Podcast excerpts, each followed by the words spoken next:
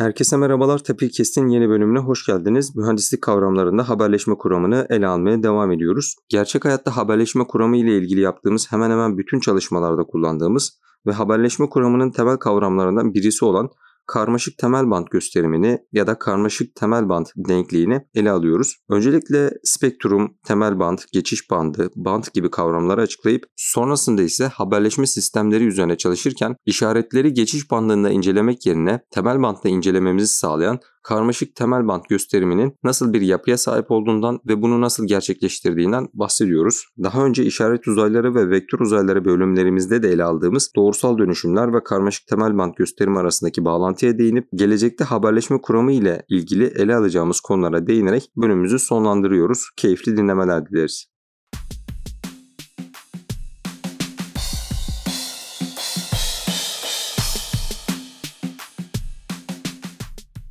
Sen hocam hoş geldiniz. Hoş bulduk Halil. Hocam mühendislik kavramlarında haberleşme kuramını konuşmaya devam ediyoruz. İşaretler ve sistemlerden haberleşme kuramına geçişi aslında tamamlamak için birkaç konuşmamız gereken temel kavram, temel matematiksel gösterim diyebiliriz belki bunlar var. Şimdi bunları ele almak ve haberleşme kuramının içerisinde sürekli hemen hemen her bölümde geçireceğimiz için öncesinden bir preliminary ya da ön gereklilik olarak vermek istedik. Çünkü insanların bölüm içerisinde bu terimi peş peşe çokça farklı şekillerde kullanacağımız için biraz kafası karışabilir diye düşündük. Benim de açıkçası derslerde ilk başta en çok anlamakta zorlandığım yani bu aşina olana kadar en çok zorlandığım kavramlar da aslında oldukça basit. Yani özellikle frekans spektrumu ne demek, band ne demek, bantı ve spektrumu çünkü biz birbirleriyle değişken olarak kullanabiliyoruz. Temel band ne demek, geçiş bandı ne demek bunları bir kısaca ele almak istedik. İşaretler ve sistemler bölümlerimizde frekansa, temel banta, geçiş bantına, süzgeçler bölümlerimizde özellikle çokça değindik. Bant geçiren filtre dedik, bant durduran filtre dedik, süzgeç dedik. Ancak bunları haberleşme kuramında aynı anlamda mı kullanıyoruz? Haberleşme kuramındaki ve filtrelerdeki, süzgeçlerdeki aynı şey mi yoksa aralarında bir fark var mı? Bunları da bölümümüz içerisinde tartışacağız diyebilirim. Hocam öncelikle hani spektrum ne demek? Özellikle mesela son dönemde yapılan çalışmalarda bilişsel radyo denilen kavram ile beraber spektrum kavramını çok sıkça duyuyoruz ve spektrumun daha iyi paylaşılması, spektrumun daha verimli paylaşılması gibi konular da var. Çünkü spektrum dediğimiz şey sınırlı bir kaynak. Spektrum ne demek hocam? Bunu sorarak başlamak istiyorum ve devamında temel band ve geçiş bandına değinmek isterim. Öncelikle bana bu fırsatı verdiğiniz için teşekkür ederek başlamak istiyorum Halil. Sözcüğün kökeni ilginç bir şekilde Sir Isaac Newton'a kadar dayanıyor. Yanlış hatırlamıyorsam optik eserinde ilk defa geçiriyor spektrum sözcüğünü. Yani bilimsel anlamdaki kullanımı muhtemelen Latince kökeni ve Yunanca kombinasyonları üzerinden belki başka kullanımları var ama işte spektrum Newton'ın ortaya koyduğu aslında deneysel çalışmaların da sonucunda hepimizin bildiği işte o meşhur prizma deneyi ki Avrupa'da daha önce yapılıyor. Descartes'in de yaptığı işte kırılım deneylerinin farkındayız. Yazılı kaynaklardan edindiğimiz bilgilere göre spektrum işte bir olgunun aslında alt bileşenlerine bölündüğünde yayıldığı yani bir yelpaze gibi düşünürsek işte alt sınırın ve üst sınırın ne olduğuyla alakalı. Şimdi tabii burada üzerinde durduğumuz şeyin başı ışık, elektromanyetizma dediğimiz olguya dönüştürdüğümüzde genelde senin de bahsettiğin üzere şu andaki spektrum sözünden anladığımız elektromanyetik spektrum. Şimdi elektromanyetik spektrum deyince tabii Maxwell'in denklemleri devreye giriyor ve orada sıfır olmayan ilk büyük sayıdan işte artık neyse o ta şu an bildiğimiz X ışınlarının olduğu yere kadar işte gamma ışınlarının olduğu yere kadar olan bütün yayılımın kapsandığı aralığa biz elektromanyetik spektrum diyoruz. Ancak senin de söylediğin üzere bir çeşit haberleşme kısıtları nedeniyle genelde işte insan odaklı kısıtlar bunlar yani boyut, güç ve benzeri kısıtların hepsini bir araya koyduğumuzda modülasyon bölümünde de konuştuğumuzu hatırlıyorum. Bu aralığın, bu çok geniş aralığın yalnızca bir kısmının aslında bizim için anlamlı ve kullanılabilir olduğunu görüyoruz. Dolayısıyla şimdi dinleyenlerimize şunu söylemek lazım. Spektrum sözcüğünün kastettiği şeyle, bilimsel anlamdaki karşılığıyla, haberleşme kuramında insanların söylediğiyle gerçekte uygulama arasında böyle aşağı doğru inen süzgeç yapısı gibi bir şey var ve biz aslında çok dar bir kısmından bahsediyoruz. Newton'ın ortaya koyduğu ve Maxwell'ın aslında teorisini tamamladığı kısmın. Şimdi tabii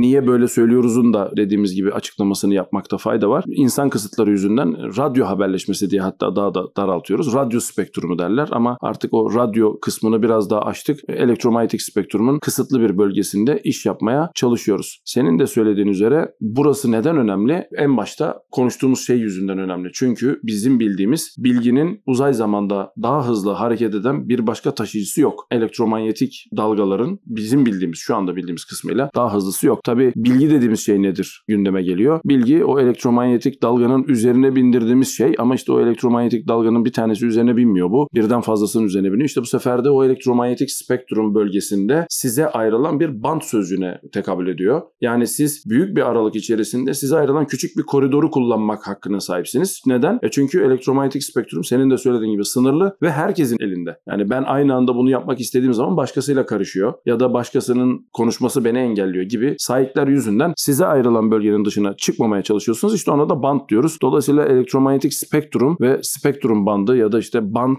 sözcükleri bu bilimsel jargon çevresinde aslında haberleşme kuramı altında büyük ölçekte çok dar bir aralığa o dar aralıkta da size verilmiş çok küçük bir koridora karşılık geliyor Ali. Hocam konuşmanızda modülasyon bölümünden bahsettiniz. Temel kavramlardan biri olarak modülasyon bölümlerini en başlarda biz konuşmuştuk. Şimdi o modülasyonu göz önüne aldığımızda o bölümde hem temel band modülasyon hem de geçiş bandı modülasyon tekniklerinden bahsettik ve bunların birbirleriyle nasıl bağlantılı olduğuna da değindik. Ancak bu bölümde biraz daha detaylı incelemek ve karmaşık temel band gösterimi gibi kavramlara girmek istiyorum. Çünkü her ne kadar geçiş bandı gibi temel band gibi farklı bölümlere ayırsak da biz modülasyon tekniklerini aslında geçiş bandındaki modülasyonu ve onun kanalda başına gelenleri temel bandta hiçbir bilgi kaybı olmadan aynen temsil edebiliyoruz ya da temel bandtakini geçiş bandtakine taşıyabiliyoruz. Bu zaten karmaşık temel band denkliği diye anılıyor ve çalışmalarımızda, simülasyonlarda, analizlerde bize çok kolaylık sağlıyor. Çünkü özellikle size bahsettiğiniz hani spektrumun daha yüksek kesimlerine günümüzde çıkmaya çalışıyoruz. Milimetre dalgaları bölgesini düşündüğümüzde diyelim ki 60 GHz'de bir haberleşme gerçekleştiriyorsak bunun çok kısa bir bölümünü bile bilgisayarda temsil etmeye çalıştığımızda ya da simüle etmeye çalıştığımızda gigabaytlarca belleğe, hafızaya ihtiyacımız oluyor ve bunları gerçekleştirmek çok zor hale geliyor. O yüzden biz genelde işlerimizi temel bantta yapıp en son modülasyonda konuştuğumuz çıkarken, havaya giderken bir çarpma şeklinde görüp diğer her şeyi çok daha düşük bir örnekleme frekansıyla işleyebiliyor, anlayabiliyor ve modelleyebiliyoruz. Bu noktada karmaşık temel band gösterimi temel band ve geçiş band arasında nasıl bir ilişki sağlıyor ve bunun bize sağladığı ek faydaları da nelerdir diye sormak istiyorum hocam. En basit, en kısa yanıt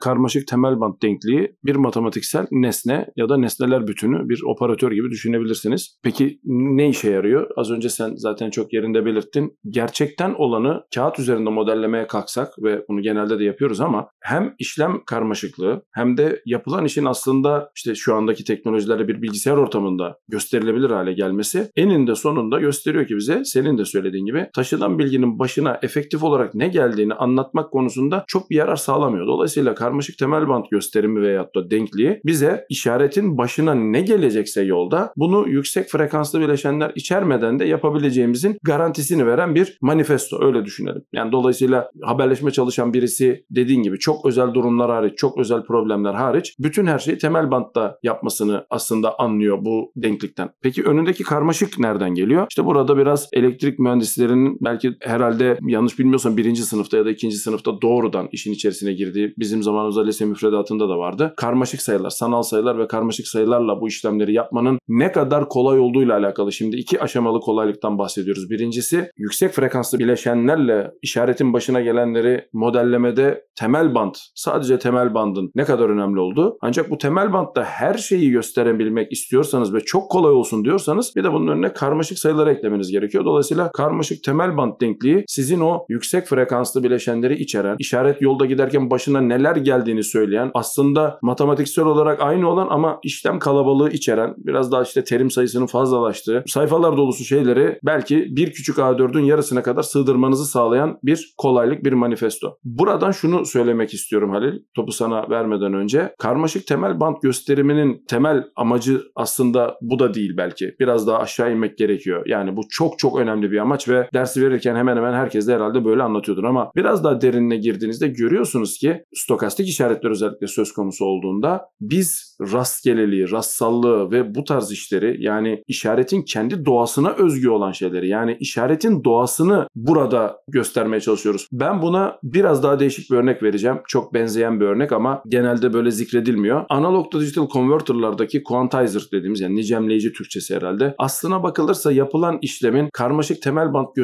gösteriminin ne yapıyorsa aynısını yapıyor diyebiliriz. İşlemsel olarak değil ama kavramsal olarak. Ne gibi? Bir örnek verelim. Size birisi 1 ile 10 arasında bir tam sayı tut dediğinde tam sayı olsun yani 1'den 10'a kadar siz ne yapıyorsunuz? İşte 7 diyorsunuz, 3 diyorsunuz, 9 diyorsunuz. Birisi size şöyle söylüyor. Sen hangi sayıyı seçersen seç. Ben olasılıksal olarak bu sayıyı kestirmeye çalışırken kullandığım yöntemlerin hepsini eksi 1 bölü 2 ile artı 1 bölü 2 arasındaymışçasına davranıp bütün işlemleri burada yapıp senin söylediğine en son çevirirsem de aynı şeyi elde ederim diyor. Şimdi tabii insanların aklına sonra dinleyenlerimizin aklına şu gelebilir. Adam 1 ile 10 arasında istedi kardeşim. Niye eksi 1 bölü 2 ile 1 bölü 2 arasında tuhaf bir yerde işlem yapıyorsun? Biraz matematiksel işlemlere girildiğinde göreceğiz ki arkadaşımızın isteği 1 ile 10 arasında da olmayabilir. 382.642 ile 470.000 bilmem ne arasında da olabilir. Ya da çok tuhaf başka sayılar arasında da olabilir. İşte bu değişkenlikte hesap karmaşasını aşağı indirmenin bir tane yöntemi var. Her şeyi merkeze çekmek. Yani bizim az önceki tabirle temel banda indirmek. Orada band, burada aralık. Orada temel band neden sıfır etrafında? Burada quantizer yani nicemleyicinin evrensel oluşu yani sıfır etrafında olması gibi. Böyle iki farklı bakış açısı. Mühendislikte çok kullandığımız bir şey. Yani yapılan işin doğasını anlamak istiyorsanız sıfırın etrafındaki davranışını anlarsanız onu sağa sola taşımanın kolay olduğunu görürsünüz. Zaten doğrusal cebirde de e, ilk öğretilen şeyler değil mi? Budur. Size bir dönüşümün koordinat sistemini taşıdığını ya da koordinat sisteminde dönme yaptığını söylerler. Daha karmaşık şeyleri genelde başka sınıflarda anlatırlar. Nedeni budur. Bütün her şeyi sıfırın etrafında analiz ettiğiniz an siz onu yalnızca koordinat referansını değiştirdiğinizde oradaki olguyu aynen temsil edebilme gücünü verdiği için matematik temel bant gösterimi bu anlamda çok önemli oluyor ama dediğim gibi yalnızca kolaylık olarak bakmamak gerekiyor. Olayın doğasını doğrudan anlayabileceğiniz yerin orası olması bence çok daha önemli. Tabi derste ve müfredatta bunları verirken bu kadar derine inmek bazen sorun yaratabiliyor. O yüzden birinci seviyede kesiyoruz. Yani matematiksel olarak işlemleri burada yapmak daha kolay deyip arkadaşlar yoluna devam ediyorlar ama daha altta daha felsefik daha önemli problemler var ve temel bant bu problemleri doğrudan görmenizi sağlayan neredeyse tek araç diyebilirim Halil. Hocam şimdi karmaşık temel bant gösterimi dediğimizde aslında derslerde işlediğimiz ve sınavlarda çokça sorulan birkaç konu daha vardır. Inface, quadrature bölümleri gibi. Bunları konuşmak için aslında biraz daha detayına inmek, ortogonallikten ve bunların yaşamış olduğu uzaylardan bahsetmek gerekiyor. O yüzden bu bölümde inface ve quadrature bölümlerine girmeyeceğiz. Ancak gerçek hayatta çalışmalar yaparken işaretleri temel bantta gösterdiğimizde ve işaretleri temel bantta kaydettiğimizde analiz için mesela